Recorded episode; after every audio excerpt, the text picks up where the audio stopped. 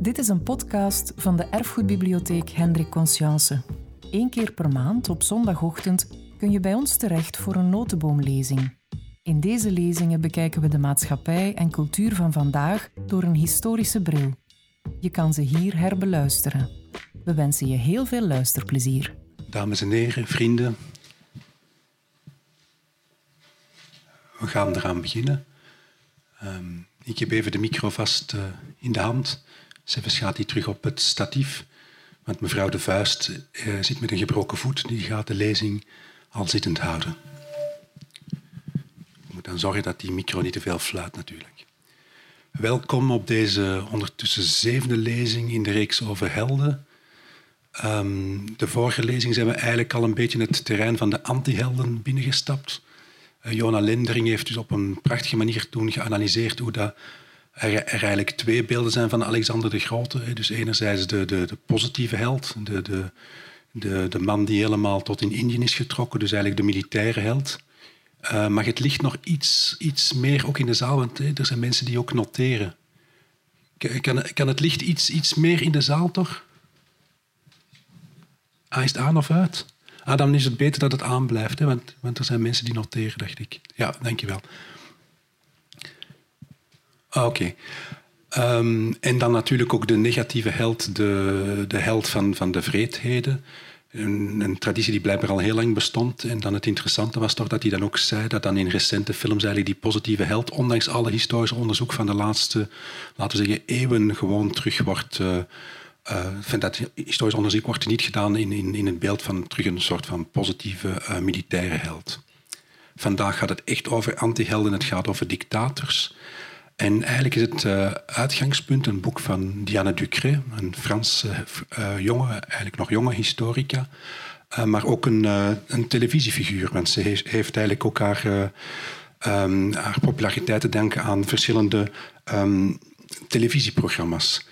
En um, het boek waar het om, om gaat, Van de Dictateur, is in het Nederlands vertaald door onder andere Katlijn de Vuist, die de spreekster is van, van vandaag. Uh, het boek is vertaald in. De, de titel in het Nederlands is In bed met een dictator. Dus daar zit al een klein verschil in titel.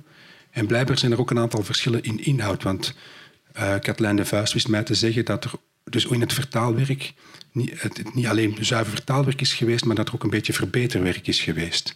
En in die zin, als je dan ook gaat kijken op Wikipedia naar Diane Ducré, het is dus eigenlijk ook een televisiefiguur, een presentatrice, die natuurlijk ook onderzoek heeft gedaan en, en geschiedenis heeft gestudeerd en, en ook uh, universitaire diploma's heeft, maar toch ook dat mediamieke speelt daar een heel grote rol.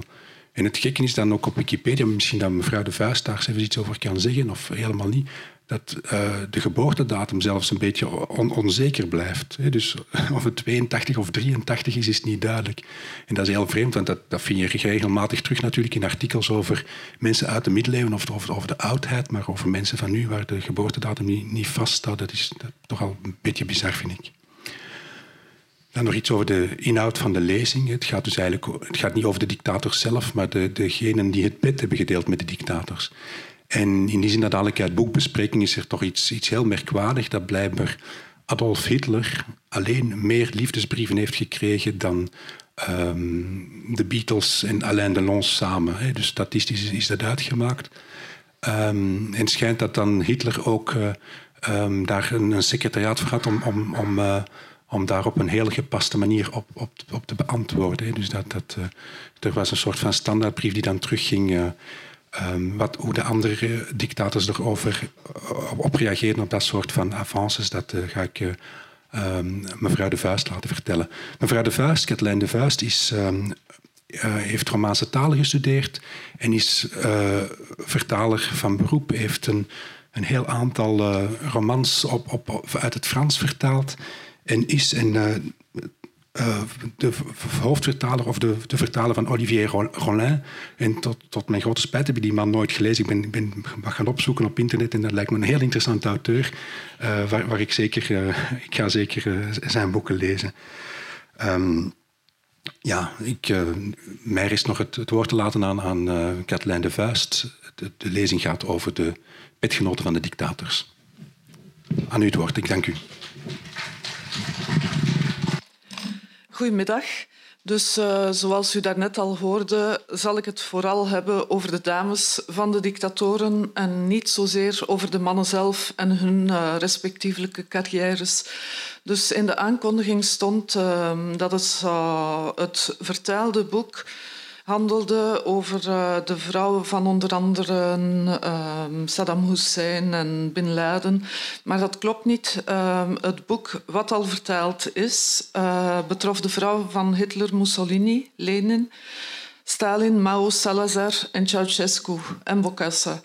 En de dictators die in de aankondiging vermeld stonden, uh, die werden opgenomen in deel 2 dat in het Frans in februari al is verschenen en dat momenteel ook in het Nederlands wordt vertaald uh, door Chris Lauwerijs.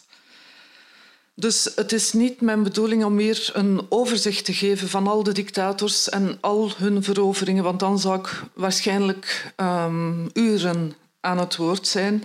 En we moeten beperken tot een reeks van weinig boeiende namen, data en periodes. Um, dus ik zal me beperken tot een aantal van die mannen. Macht erotiseert, luidt het gezegde, en kennelijk klopt dat. Zoals Koen daarnet zei, verklaart dat wellicht waarom Hitler en Mussolini meer fanmail ontvingen dan de Beatles en Mick Jagger tezamen. Toch bestaat er een duidelijk verschil tussen een op liefdesvlak eerder bleke, timide Hitler en een macho vrouwenverslinder als Mussolini, een man met een enorme seksuele appetijt die de veroveringen aan elkaar reeg. Of tussen een niets ontziende tiran als Bokassa, die kleine meisjes op weg naar school liet ontvoeren en hen opsloot in een van de vele vrouwenvertrekken van zijn paleis, waar ze alleen konden wachten tot de keizer zich aan hen kwam vergrijpen. Of de Roemeense dictator Ceausescu, die zijn Elena tot er dood trouw bleef en eigenlijk in zijn hele carrière maar één vrouw heeft gehad. Maar Bokassa en Ceausescu zelf baden allebei in luxe. Ze lieten alle, allebei de potsierlijkste paleizen, de meest megalomane constructies optrekken van hun continent, terwijl hun onderdanen omkwamen van honger. Ik ga wat dieper in op het liefdesleven van de twee grootste Europese tirannen van de 20e eeuw, de boegbeelden van het nazisme en het fascisme. En van daaruit zal ik dan een paar parallellen trekken of tegenstellingen in de verf zetten. In Hitlers geval moeten we vaststellen dat de man zelf niet zozeer op veroveringstocht ging, maar dat hij van alle, van alle kanten werd overstelpt door post van vrouwelijke bewonderaarsters gelukwensen, raadgevingen, passionele liefdesverklaringen, geile, vaak expliciete brieven stroomden dagelijks toe op de kanselarij. Hoewel Hitler ook veel post kreeg van mannen uit alle beroepsgroepen, kwamen de persoonlijkste brieven van vrouwen. En ze richtten zich niet tot Hitler als staatsleider of, of tot Hitler als ideoloog, maar tot Hitler als man in de hoop op wederkerige gevoelens. Die correspondentie werd in 1946 door een uh, Amerikaanse officier, William Anker, eerder toevallig ontdekt onder de puinhopen van de Rijksdag. Het betrof in totaal meer dan 8000 stuks die in mappen geclasseerd waren. En een aantal van die brieven werden in 1994 uitgegeven in het boek Liebesbrieven aan Hitler, Brieven in den Dood bij, door, uitgegeven door Helmoet Oelsheuver. Het boek is niet vertaald in het Nederlands. De stroombrieven naar de privékanselarij hield gelijk tred met Hitlers populariteit. In 1925 werden de teksten door één archivaris verwerkt. Tussen januari en april 1933 kregen meer dan 3000 brieven. Op het einde van dat jaar waren er nog eens 5000 bijgekomen. In 1934 kreeg hij minstens 12.000 brieven en in 1941 nog altijd meer dan 10.000. Het vergde organisatorische maatregelen om die gestage stroom te blijven beheersen. De brieven werden dus ondergebracht in een speciaal archief A en zijn thans, uh, worden thans bewaard in het Bondsarchief van Berlin-Lichtevelde. Brieven van vrouwen die verliefd waren op Hitler of met hem dweepten, werden niet beantwoord.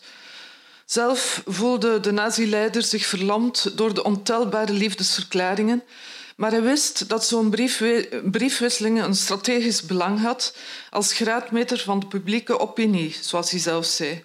Dus daarom wilde hij op de hoogte blijven van de duizenden brieven die aan zijn adres werden gericht.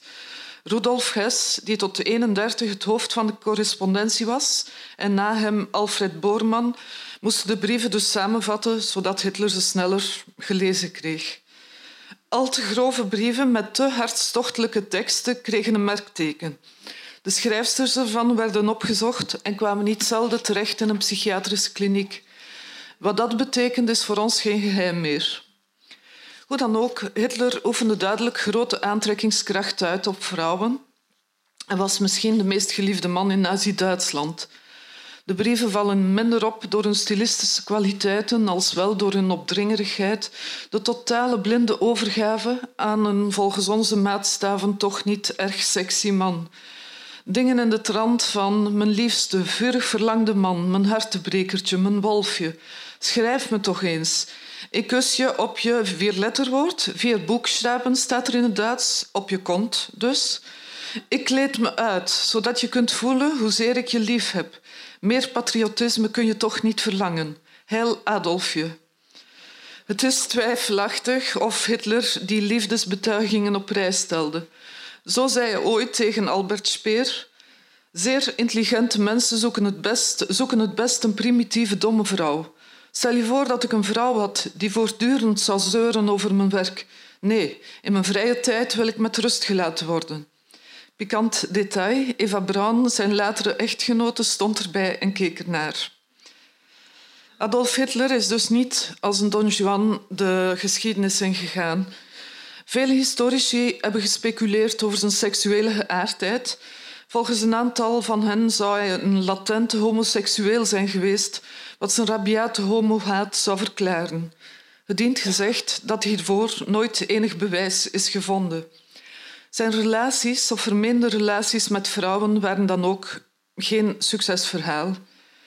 Als puber bijvoorbeeld was hij smoorverliefd op Stefanie Isaac, een meisje dat hij elke dag op weg naar school kruiste.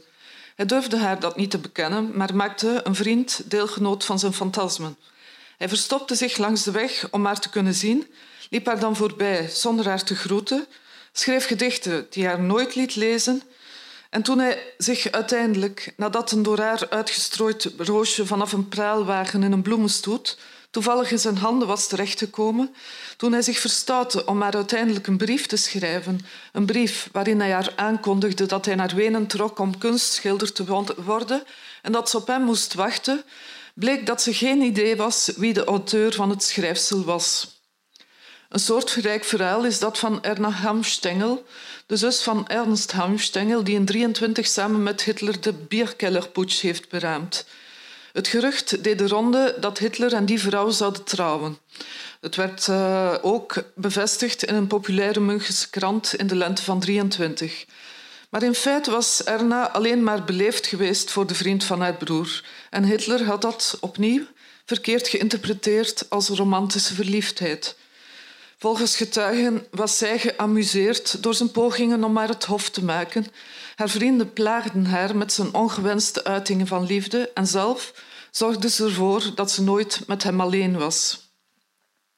Dan was er Maria Geiter, een 16-jarig meisje dat in 27 een korte flirt had met Hitler.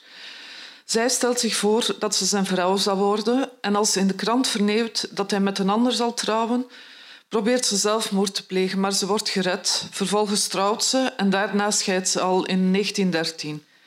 Toch zou ze één keer in het bed van haar idool belanden, maar uh, daar is het bij gebleven. Hij heeft haar als afscheidscadeau 100 rode rozen laten bezorgen.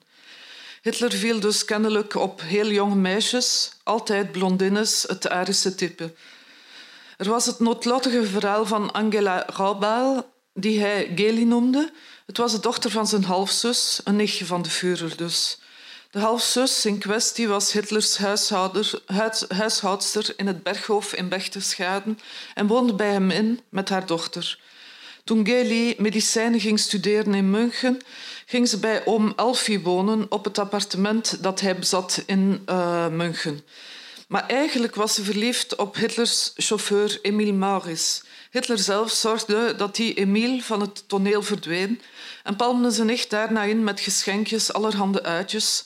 Maar naarmate zijn politieke activiteit toenam, zat zij steeds vaker alleen opgesloten in het appartement. Hitler was dan ook minder geneigd om op haar grillen in te gaan, zodat het nichtje voor een radicale oplossing koos en zich in september 31 een kogel in de borst joeg. Hitler was naar het schijnt ontzet door haar overlijden.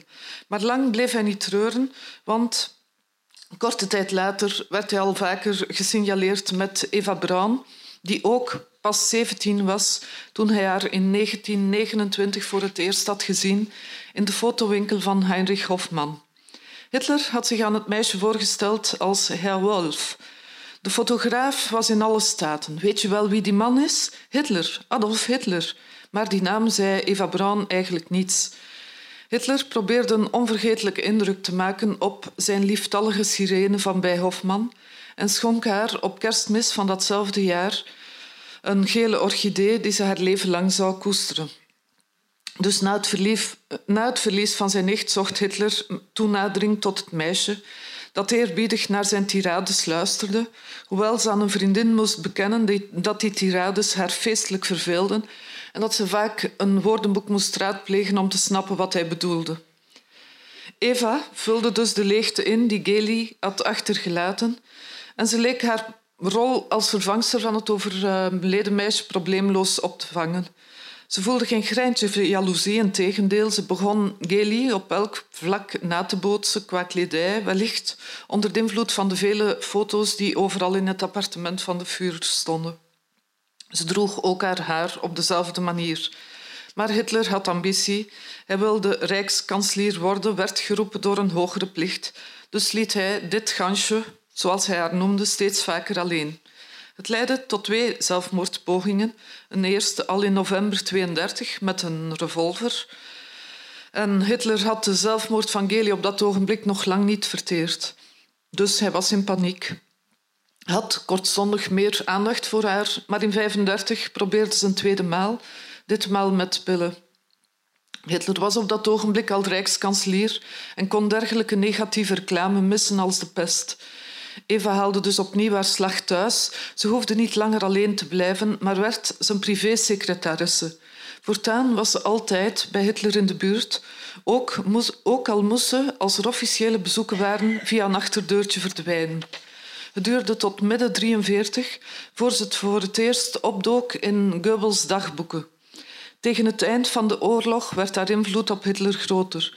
Ze weigerde in het Berghof te blijven, maar ging naar Berlijn, in de buurt van Hitler, en bleef de laatste twee maanden van hun leven bij hem in de bunker.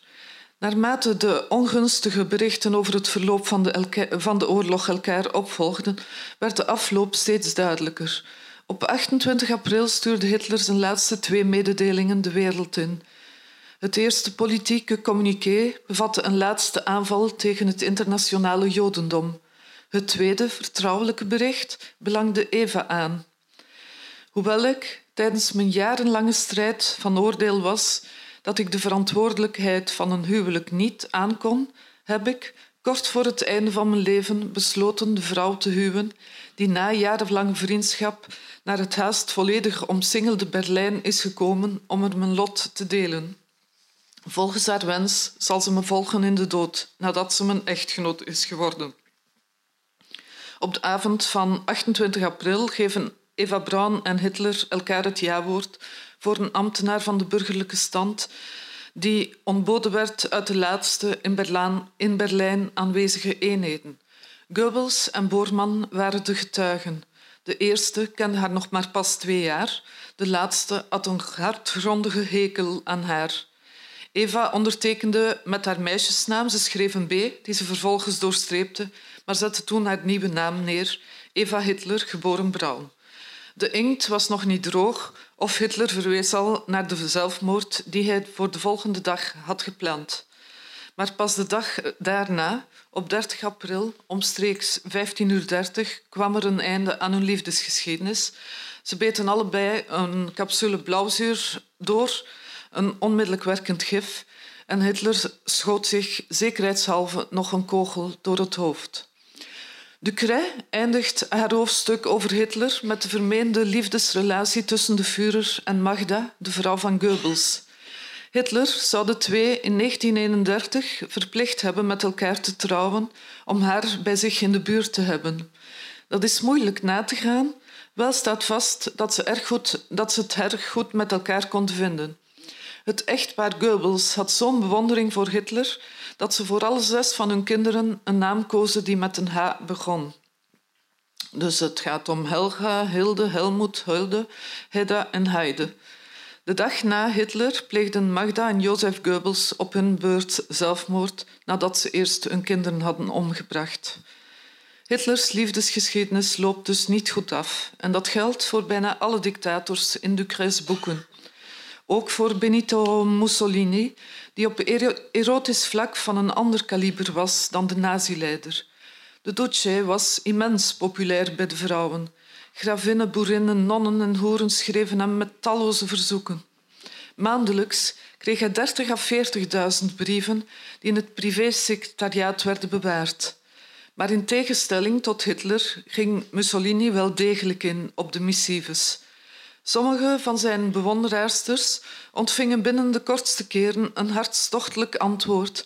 Ze werden uitgenodigd op het Palazzo Venezia, waar ze intiemer met de Duce mochten kennismaken. Mussolini deed zijn eerste seksuele ervaring op in goedkope hoerententen. Hij maakte als leraar al kennis met zijn latere vrouw Rachele Guidi, die hij een paar jaar later onder bedreiging van een jachtweer dwong met hem weg te gaan en te trouwen. Hoewel, trouw, trouw stond nooit in zijn woordenboek. Op, dat ogenblik ging, op het ogenblik toen hij omging met Rachele had hij Ida Dalzer leren kennen, een schoonheidsspecialiste, een vrouw die zo in de ban was van uh, Mussolini dat ze haar salon verkocht opdat hij een eigen krant zou kunnen beginnen, Il Popolo d'Italia. In 14, 1914 zijn Ida Dalzer en uh, Mussolini voor de kerk getrouwd. En in 15 werd hun zoon Benito Albino getrouwd, uh, geboren, die door Mussolini werd erkend, hoewel de officiële documenten daarvan verdwenen zijn. In december 15 trouwde hij echter met Rachele, van wie hij in 1910 al een dochter had gekregen, Edda. Hij deed dit op aanraden van een derde maîtresse, Margaretha Sarfati, die hij in 1912 had ontmoet en die in 1915 zijn medewerkster was bij zijn krant. Zij gaf hem de raad te kiezen voor de trouwe boerin uit zijn geboortedorp, die ze als lomp en onwetend beschouwde en dus allesbehalve een rivale voor haar. Tijdens zijn opgang naar de macht probeerde Mussolini alle bewijzen van de verhouding met Isa Dalser te laten verdwijnen. Hij liet haar in de gevangenis belanden wegens spionage en uiteindelijk uh, stak hij haar in een psychiatrische kliniek, in verschillende klinieken na elkaar, eerst in Milaan, daarna in Venetië, waar ze tot haar dood in 1937 uh, is gebleven. Wie zich met Mussolini inliet, moest bereid zijn hem te delen. Rachele, zijn officiële vrouw met wie hij vijf kinderen had, besefte dat maar al te goed en berustte min of meer in haar lot. Meer last had hij met sommige van zijn maîtresses, die zoals Dalzer echt alstarrig konden zijn. Aan andere geliefden had hij dan weer veel te danken. Aan de zojuist vermelde Sarfati bijvoorbeeld, of aan Angelica Balanabov, die hij in 1904 in Lausanne had ontmoet toen een redenvoering hield bij de herdenking van de Parijse Commune. De 36 jaar oude revolutionaire was geboren in de ogen, hoge Oekraïnse aristocratie. Ze had een dokterstitel behaald aan de Brusselse ULB en ging om met de wereldwijde communistische elite. Mussolini, die naar Zwitserland was getrokken om te ontsnappen aan de legerdienst, trok haar aandacht door zijn, door zijn uiterlijk. Aanvankelijk knapte hij allerlei klusjes op in Zwitserland als metselaar, magazijnbediende, knecht, slagersjongen. Kon hij amper leven van die baantjes en sloot hij zich aan bij de vakbond voor gastarbeiders, waar hij opviel door zijn redenaarstalent. Weldra werd hij secretaris van de vakbeweging. Hoewel hij niet echt op de hoogte was van uh, sociale theorieën, publiceerde hij artikelen in L'Avenir de Lavoratora, de toekomst van de arbeiders, het persorgaan van de arbeidersbeweging. Maar hij beschikte wel over een scherpe pen. Voor Mussolini waren deze eerste stappen in zijn opmars zeer belangrijk. Later vertrouwde hij de journalisten toe. Het was wellicht de enige periode uit mijn leven waarin ik me niet alleen heb. Heb gevoeld. Angelica had daar veel mee te maken. Zij was meteen gecharmeerd door de 15 jaar jongere militant. Ze drukte zijn stempel niet alleen op zijn geest, maar ze veranderde ook zijn stijl. In de loop van de jaren 1910 begon Benito zich inderdaad beter te kleden, droeg hij een losse boord, een strohoed en een pak. Na 2,5 jaar ballingschap in Zwitserland keerde hij naar Italië terug, waar hij alsnog zijn legerdienst vervulde. Vanaf 1912 werd hij hoofdredacteur bij Lavanti, de populairste socialistische krant in Milaan. Hij aanvaarde de baan op voorwaarde dat Balabanov hoofd, adjunct-hoofdredactrice werd.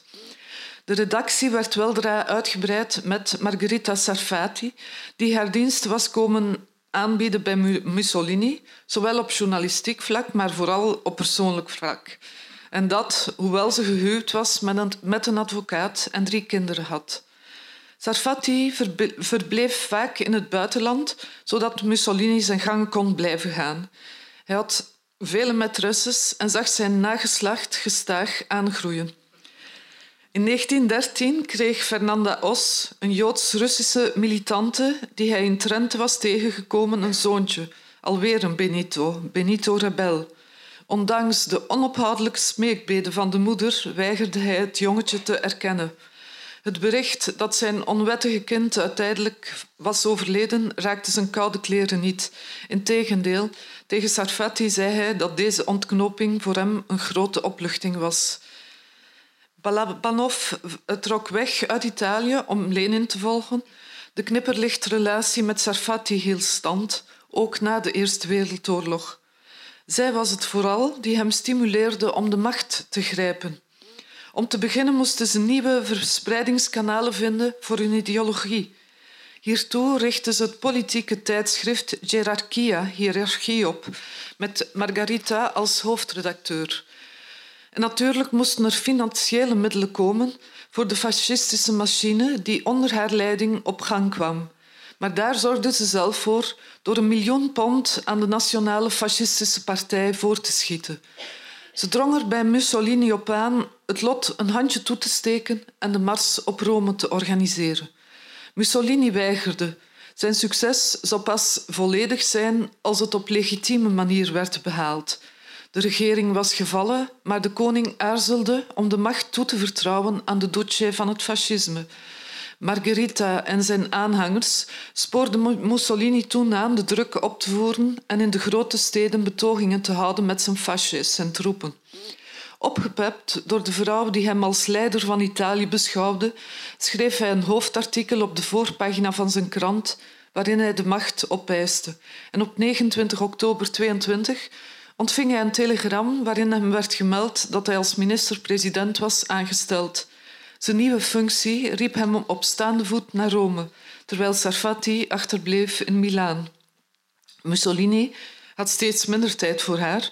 Ze moest hem met steeds meer maîtresses delen, ook al was haar man in 1924 overleden en werd zij door de Italianen beschouwd als de favoriete van de Duce.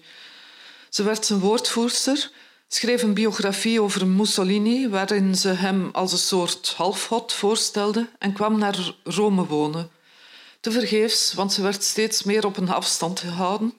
En toen ze, na Mussolini's ontmoeting met Hitler in 1935, toen er in Italië meer anti-Joodse wetten werden uitgevaardigd, uitgevaardigd, toen werd ze uit de redactie gegooid van Il Popolo en Gerarchia en zat er voor haar niets anders op dan uit Italië te vertrekken. Ze immigreerde naar uh, Latijns-Amerika, ging in Argentinië wonen en de honderden, misschien duizenden liefdesbrieven die ze van Mussolini had gekregen, uh, verkocht ze aan een plastisch chirurg. De afnemende belangstelling van Mussolini voor Sarfati had niet alleen met zijn toenemende antisemitisme te maken. Er was natuurlijk opnieuw een zoveelste vrouw in het spel. Ditmaal ging het om Clara Petacci, die de Duce toevallig was tegengekomen op 24 april 1932 tijdens een autoritje dat in een wedren was geëindigd met als eindstreep de rotonde van Ostia. Zij sliep van kindsbeen met een foto van Mussolini onder haar hoofdkussen. Ze had hem herhaaldelijk slechte gedichten toegestuurd, maar vanwege haar looks moest Duce wel contact met haar opnemen. En twee dagen later belde hij haar thuis en ontbood haar op zijn paleis. Ze zagen elkaar er voortaan bijna dagelijks. En vreemd, de voorwaarde voor deze ontmoetingen was dat zij zou trouwen met haar verloofde Riccardo Federici. Dat gebeurde in 1934, maar in 1936 werd het huwelijk alweer ontbonden. Uh, Mussolini ontbood Clara's moeder op het paleis en vroeg haar officieel de toestemming om van haar dochter te mogen houden. Dus dat was het officiële begin van hun relatie. Elke middag tussen 15 en 16 uur wachtte Claretta hem op in de stanza del Zodiaco van het paleis, de kamer van de dierenriem. Zijn vrouw Racheli die was intussen ook niet bij de pakken blijven zitten en had op haar beurt een minnaar genomen, wat Mussolini niet aangenaam vond, maar waarvoor hij toch enigszins begrip kon opbrengen. Ik heb me natuurlijk erg onheus tegenover haar gedragen. Ik heb buitenechtelijke kinderen gekregen. Ik had verschillende geliefden. Maar ik heb verzachtende omstandigheden, want zeg nu zelf. Hoe zou een man als ik, aan wie zich zoveel kansen, hoe zou ik rechtlijnig kunnen blijven? Elke man bedriegt zijn vrouw, zelfs de zoon van de barbier. Allemaal en zonder één excuus, terwijl ik tenminste een excuus heb. Niettemin moet Clara hem honderden keren naar liefde bevestigen, want zijn narcisme kent geen grenzen. En omgekeerd moest zij van hem alles dulden. Het leidde tot knotsgekke, maar voor Petacci soms erg pijnlijke situaties. Bijvoorbeeld toen een adellijke dame langskwam en onmiddellijk een beroep deed op de gunsten van de douche, moest zij zich twee uur aan een stuk in de douche, in de douche verstoppen, in de brandende zon. Het ergste was dat hij ook met haar jongste zus Mirjam een relatie begon. Maar hoe dan ook, naarmate de oorlog dichterbij kwam, waren er steeds meer barsten in de verhouding tussen Mussolini en Petacci. De Duce werd opgeslorpt door de internationale situatie. Hij werd stil, driftig, emotioneel. Met hun liefde ging het bergaf. In 1940 kreeg eh, Clara Petacci een miskraam en in 1941 sneuvelde Mussolini's zoon Bruno, um, wat tot de, het einde van de relatie eigenlijk uh, leidde. De vervreemding bereikte een hoogtepunt. En hoewel hij haar in 1943 al eens had buitengegooid, belde hij haar toch weer op nadat hij door de Hoge Fascistische Raad uit zijn functie was ontzet. Hij had haar nodig in een moment van diepe wanhoop. Na zijn gevangenneming en overbrenging naar Milaan wilde hij Petacci wegsturen, maar zij weigerde. Niettemin was Mussolini's laatste brief bestemd voor zijn wettige echtgenote, die hij verplichtte met hun gezin naar Zwitserland te vluchten. Um, Rachele werd gevangen genomen en uitgeleverd aan de VS-troepen, maar na een paar maanden cel werd ze vrijgelaten en keerde ze terug naar haar geboortestreek, waar ze een uh, restaurant openhield tot het einde van haar leven. Zoals u weet liep het met Mussolini zelf minder goed af. Toen hij door de Duitsers naar Como werd overgebracht en Petacci het konvooi volgde, werd Mussolini door partisanen herkend en werden ze allebei meegenomen naar een boerderij. De volgende dag werden ze samen afgehaald door Walter Audizio, een voormalig antifascistisch Spanje-strijder die bekend stond als kapitein uh, kolonel Valerio. Hij bracht hen tot aan Villa Belmonte, waar hij hen met een machinegeweer neerschoot. Hun lijken werden in een meubelwagen geladen en in Milaan opgehangen aan een half platgegooid tankstation. Het symbool dat het tijdperk van het fascisme voorgoed voorbij was. Volgens voorzichtige ramingen had Duce in zijn leven zo'n 400 maîtresses. Sommige verhoudingen duurden amper een uurtje, de tijd om de kleren aan en uit te trekken en te fatsoeneren inbegrepen. Hij beschouwde de vrouwen als prostituees En seks was als neuken met een hoer. Ze dienden alleen om zijn vleeselijke lusten te voldoen. Na de liefde voelde hij zich meestal gedegoûteerd. Het kwam niet in hem op zich af te vragen wat zij van hem vonden. Vaak waren de vrouwen die op het paleis kwamen briefschrijfsters van wie de namen opgetekend staan in een soort logboek.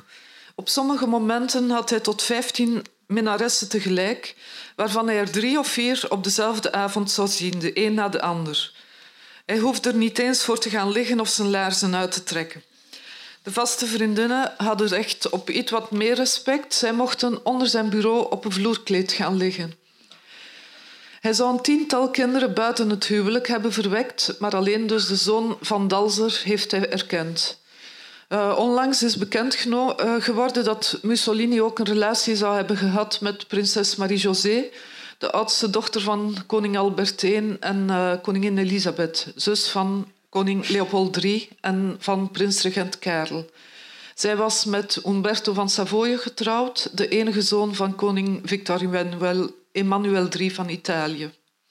Romano Mussolini, de jongste zoon van de Duce, die zes jaar geleden uh, stierf, schreef in 1971 in een brief aan Antonio Terzi, een verantwoordelijke van de Italiaanse krant Corriere della Sera. Ik kan met de hand op het hart bevestigen dat we thuis vaak hebben gepraat over zowel de politieke als de gevoelsrelatie dus die tussen Marie-José en mijn vader bestond. En ik kan zeggen dat mijn moeder hierover altijd duidelijk is geweest, ook al was het met een logische terughoudendheid. Er was gedurende een korte periode een liefdesrelatie tussen mijn vader en de prinses van Piemonte, die, denk ik, afgebroken werd omdat mijn vader dat, dat wou. Een mens vraagt zich af waaruit de aantrekkingskracht uh, van dergelijke heerschappen op vrouwen bestond. Mussolini gold als aantrekkelijk en pronkte graag met zijn atletisch postuur. Van Hitler kan dat niet echt worden beweerd. De liefde loopt in beide gevallen redelijk fataal af. Dat geldt voor haast alle in Ducres beschreven voorbeelden. Lenins vrouw Nadezhda Krupskaya stierf aan een voedselvergiftiging.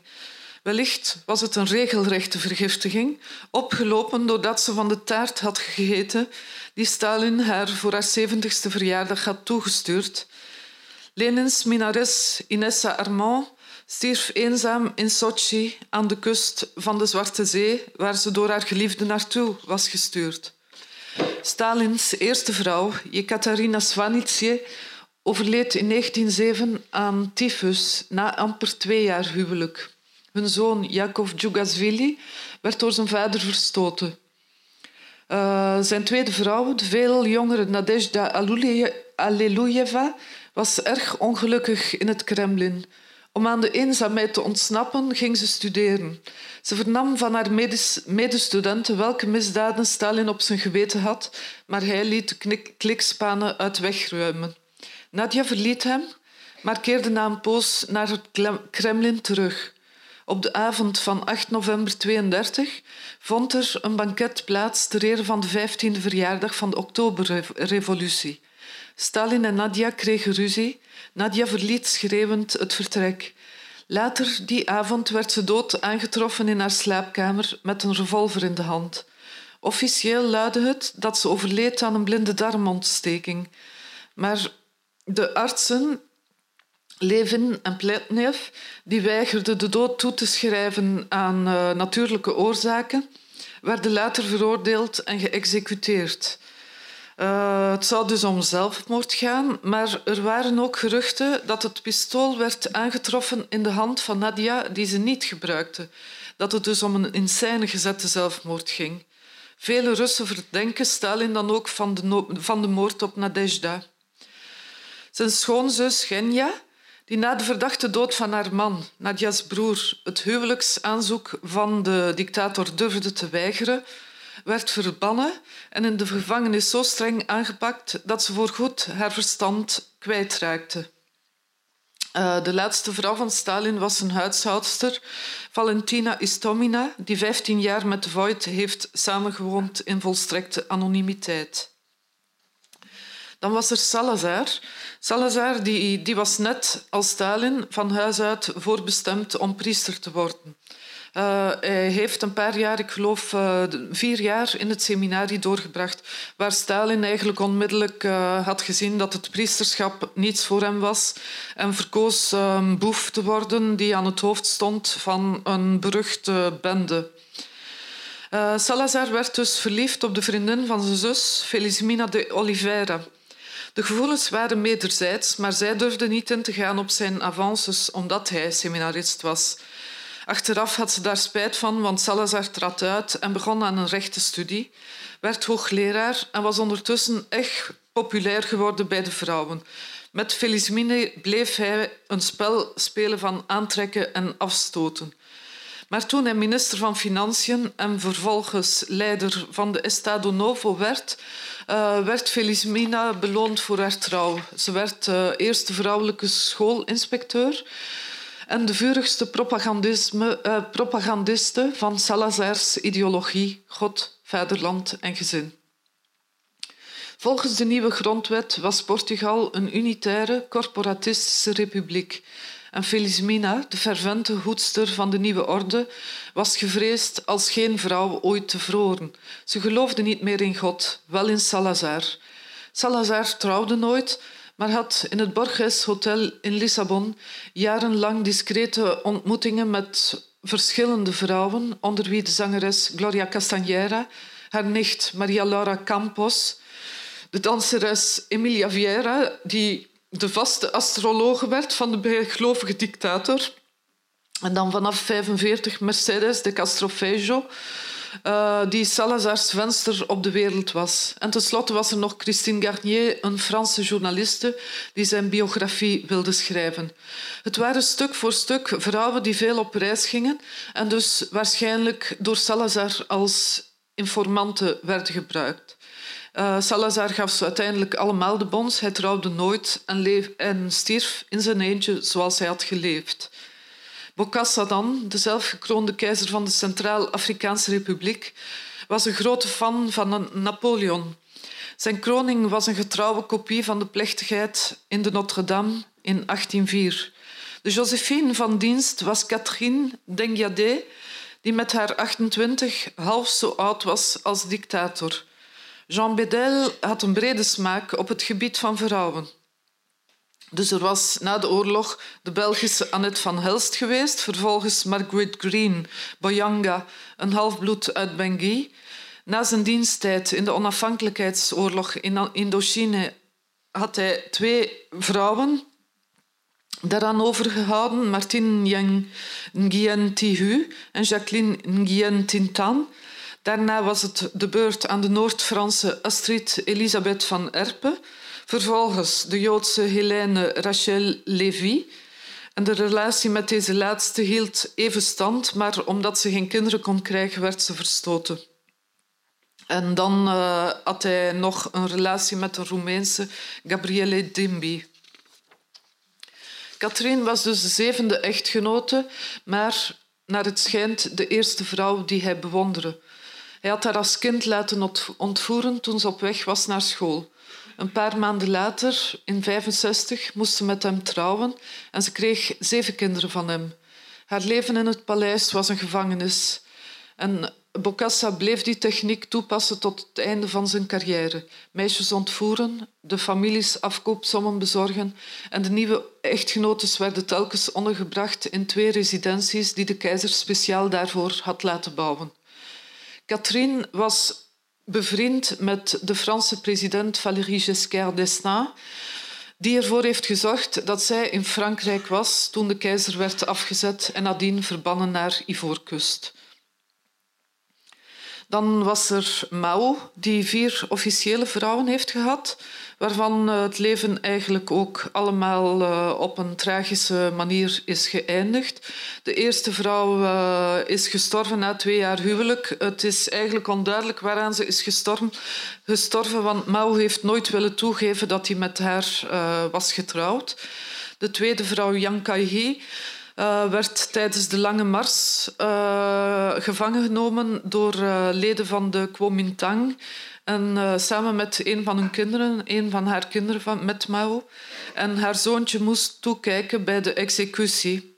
Het is niet duidelijk op welke manier ze werd geëxecuteerd. Er zijn verschillende...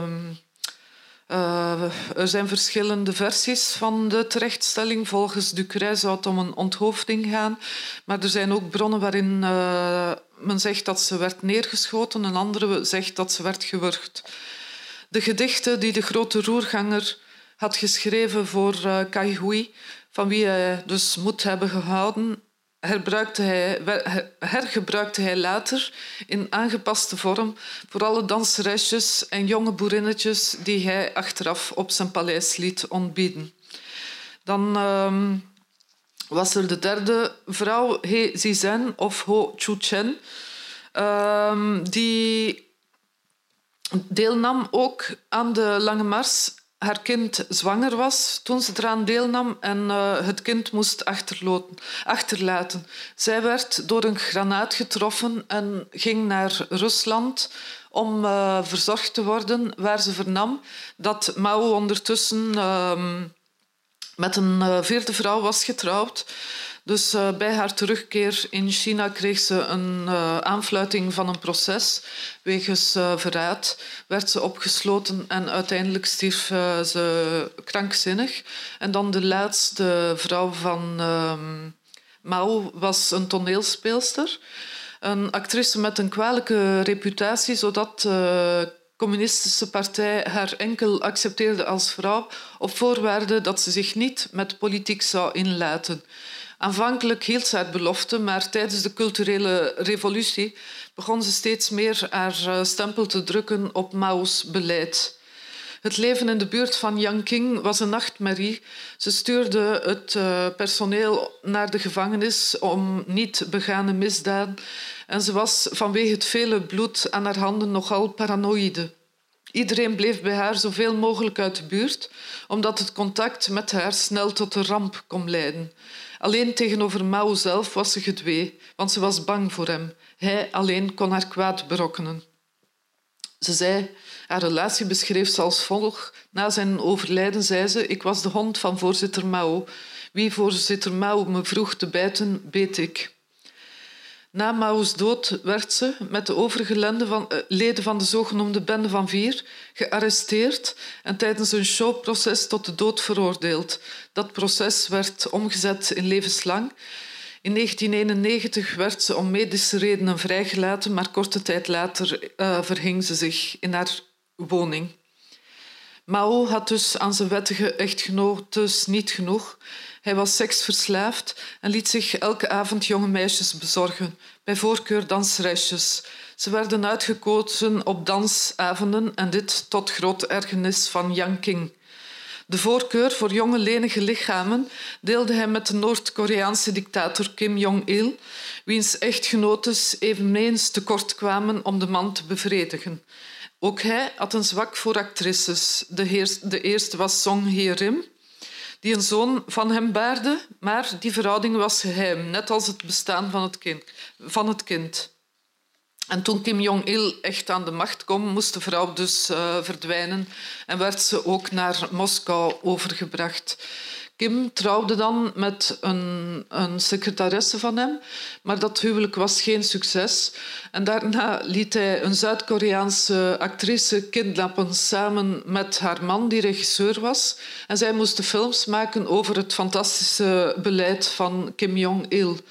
Vervolgens was het de beurt aan een nieuwe danseres die Japanse roots had en die met de dictator trouwde en opnieuw uh, twee, kinderen en een, uh, twee zonen en een dochter kreeg hij van haar. Uh, wie iets van het vorige huwelijk afwist, werd verbannen of naar een strafkamp gestuurd. En dan was er nog een danseres die een vriendje had in dezelfde groep en liever zelfmoord pleegde dan met Kim als concubine te gaan leven. De, een andere overbekend verhaal met een tragische afloop is dat van Elena en Nicolae Ceausescu. Uh, hun executie op kerstavond 1989 staat nog altijd op ons netvlies gebrand. Haar oorspronkelijke naam was Lenuta Petrescu en ze had een reputatie van nogal gemakkelijk te zijn, maar ze was wel rad van tong en maakte indruk op uh, Nicolai. Ze werd op haar 23ste de vriendin van de toekomstige dictator en pas vier jaar later zouden ze trouwen op 23 december 47. Lenuta krijgt drie jaar cadeau. Voortaan is ze pas in 1919 geboren in plaats van in 1916, want ze moest jonger zijn dan uh, Nicolai. En ze kreeg ook een nieuwe voornaam, Elena, want Lenuta, de tedere, was een veel te populaire naam om uh, dictatorsvrouw te kunnen zijn. Tijdens hun huwelijk werd het echtpaar een steeds excentrieker en wereldvreemder stel dat geen oog had voor de omringende werkelijkheid, maar in een schijnwereld van glitter en marmer oud werd. Toch beschouwden ze zich echt als de moeder en vader van de Roemeense uh, bevolking. Qua achterdocht moest Elena niet onderdoen voor Yang King. Ze werkte zich op van gebrekkig geschoold boerenmeisje. Ze was maar tot haar twaalfde naar school geweest. Tot zogenaamde professor met meer dan tachtig eredoctoraten. Dus haar eerste, haar eerste eredoctoraat heeft ze van haar man gekregen. Uh, het werd uitgereikt op een ceremonie waar niemand aanwezig was, achter gesloten deuren. Uh, de professoren die kritische vragen gesteld hadden, werden ontheven uit hun functies. En achteraf kreeg ze dus 80 euro eredoctoraten, ik geloof zelfs één hier in uh, België. Uiteindelijk werd ze vicepremier naast Nicolai. Waar Mao het geboortecijfer radicaal afremde met zijn verbodsbepalingen en zijn één-kind-politiek, voerden de twee Roemeense despoten allerlei huwelijkse wetten in.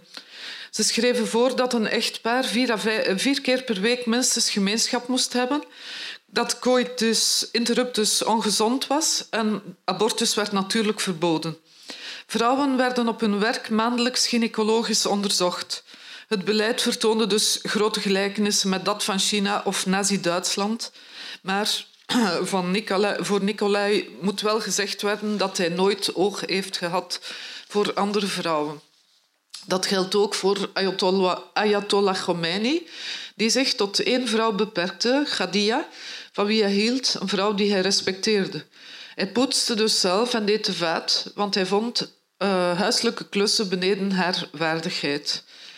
Ook Milosevic hield het op zijn ene wettige echtgenote, echtgenote Mira Markovic. Uh, zij kennen elkaar vanaf de middelbare school en zij oefenden wel degelijk invloed uit op haar man. Toen hij aan het onderhandelen was over de akkoorden van Dayton, die een einde moesten maken aan de oorlog in Joegoslavië, belde hij haar de hele tijd op om te zien hoe ver hij kon gaan. Na zijn dood in de Nederlandse gevangenis uh, liet ze hem begraven onder de linde in Podzarevac, waar ze elkaar hadden leren kennen. Osama bin Laden was dan weer vooral verliefd op zijn eerste vrouw, Nawia Ghanem, maar hij moest dan weer andere vrouwen nemen, zoals de islam voorschreef, om te zorgen voor een zo groot mogelijk nageslacht. Hij hield het op vier en toen hij zijn tweede vrouw hem verliet, trouwde hij nog maar met een 18-jarige Amal. Bij zijn eerste vrouw, Nawia, had hij tien kinderen en zij scheidde van hem net voor de september-aanslagen. Dictators als Saddam Hussein en Fidel Castro leunden dan meer, meer aan bij iemand als Mussolini. Saddam viel voor blondines en als hij zijn oog op iemand had laten vallen, maakte het niet uit of de dame in kwestie gehuwd was. Uh, dus ook uh, Castro had uh, volgens ja, verschillende getuigen, behalve zijn eerste vrouw Mirta Diaz-Balart. Een, uh, tweede hij had een uh, andere minnares, Natalia Revuelto. Met beide vrouwen had hij een kind. Dan was er nog een romance met een danseres Lilia Amor, die eigenlijk Isabel Custodio heette. Er was de revolutionaire Celia Sanchez, die uh, hij als vleugeladjudante aanstelde nadat hij aan de macht was gekomen en eigenlijk als first lady uh, dienst deed. En in de jaren zestig was er dan nog een romance met van het Duitse Marita Lorenz, die hij op een cruiseschip had gezien en nadien naar eh, Cuba had laten overbrengen. Zij werd uh, vervolgens door de CIA gevraagd om voor hem te spioneren en moest hem vergiftigen, maar kon het niet over uh, haar hart verkrijgen de dictator te vermoorden. Dus na de dood van Celia Sanchez trouwde Fidel met Dalia Soto del Valle en met haar heeft hij vijf kinderen. Die vrouw is pas recent op de voorgrond getreden nadat Fidel ziek is geworden. Maar ook dat uh, was voor de dictator niet genoeg. Net als Mussolini had Castro een kamer waar dagelijks jonge vrouwen werden gebracht. Hij heeft minstens tien kinderen ook buiten zijn huwelijk op de wereld gezet en zou gedurende veertig jaar met minstens twee vrouwen per dag het bed hebben gedeeld. Wie een rekensom wil maken, dat brengt het totale aantal op rond de 25.000 als je aanneemt dat hij in het weekend uh, verlof nam. De Cré vraagt zich af waarom dictators zo'n grote aantrekkingskracht uitoefenen op vrouwen. Ze zegt onder andere dat de dictator zich in het publiek van zijn beste, zachtzinnigste zijde laat zien, dat hij, en ik citeer, de uitstraling van een overtuigende hoffelijke redenaar heeft, bij wie degelijkheid hand in hand gaat met een verzorgd en smaakvol voorkomen. Het is voor Adolf of Benito ondenkbaar om ongekapt of ongeschoren de deur uit te gaan. Nu was Mussolini wel erg met zijn uiterlijk begaan, maar Hitler liet zich slechts noden in maatpak hijsen. Als men hem zijn gang had laten gaan, zou hij zich overal bij elke gelegenheid in een lederhoze hebben vertoond. En je kunt bezwaarlijk zeggen over beide heerschappen dat ze zich in het openbaar van hun zachtaardigste kant lieten zien. De filmpjes die nog altijd op YouTube circuleren tonen stevast een uitzinnig krijsend heerschap dat zijn woorden met heftige gebaren, vuisten op tafel, etc. kracht bijzet. Het is wellicht simpeler dan dat. Mannen met macht hebben nu eenmaal grote aantrekkingskracht op vrouwen. Het hoeft niet om dictators te gaan. Ook politieke macht is verleidelijk, zakelijke macht. Denken we maar aan de recente verhalen uh, over uh, Dominique Strauss-Kaan of Silvio Berlusconi. De aantrekkingskracht die presidenten en koningen uitoefenen op dames met een hele rist buitenechtelijke kinderen als gevolg. Ja, macht erotiseert, maar kennelijk vooral in één richting. Vrouwen aan de macht hebben meestal een kwalijke reputatie, zijn nooit erg populair. Men heeft het over Iron Ladies of over Madame Nons. En als er al overspel in het geding is, gebeurt dat achter gesloten deuren. Er is weinig bekend, bijvoorbeeld over het seksleven van Indira Gandhi of Aung San Suu Kyi of Benazir Bhutto, om maar een paar te vermelden. Iets om na te denken misschien. Ook de wetenschap is op zoek naar een verklaring waarom veel vrouwen een abonnement hebben op uh, smeerlappen. Kerels die hen bedriegen, geen vinger in het huis zouden uitsteken en nooit thuisgeven als ze nodig zijn. Deze mannen hebben een persoonlijkheid met een donkere driehoek, zoals onderzoekers van New Mexico University in Las Cruces in de Verenigde Staten het noemen. Zij onderzochten de aantrekkingskracht van die mannen en kwamen tot de conclusie dat het type een combinatie heeft van narcisme, impulsief gedrag en achterbaksheid. Mannen met die donkere driehoek doen het inderdaad goed bij vrouwen. Ze hebben vaak overspelige seksuele avonturen. Ze bemoeien zich weinig met hun eventuele kinderen. Volgens de onderzoekers is dit evolutionair bepaald. Zulke mannen hebben veel vriendinnen en spreiden hun genen dus beter uit dan trouwe mannen die, het op één vrouw houden. Dat vrouwen voor deze kerels vallen, heeft waarschijnlijk ook met de evolutie te maken. Ze brengen verse genen in een hechte gemeenschap en zorgen daardoor voor gezondere kinderen. Rotzakken zijn daarmee dus een soort verzekering tegen inteelt en saaiheid. Ook in de literatuur is men op zoek gegaan naar verklaringen of mechanismen in de aantrekkingskracht van machtige mannen op vrouwen. Heel beroemd is Albert Cohen's uh, boek um, Belle du Seigneur, een roman uit 1968 die in het Nederlands werd vertaald door Paul Sirier als Uitverkorene van de Heer. Hij beschrijft niet alleen de interne keuken van een machtige instelling als de Volkerenbond, de voorloper van de Verenigde Naties, maar brengt ook een meedogenloze analyse van het gevoel dat moet doorgaan voor liefde, en dit bij monden van zijn hoofdpersonage Solal. Wie niet lang is van gestalte, knap is en al zijn tanden bezit, stevig is, zonder slap of vettig aan te voelen, maakt weinig kans om een vrouw aan de haak te slaan.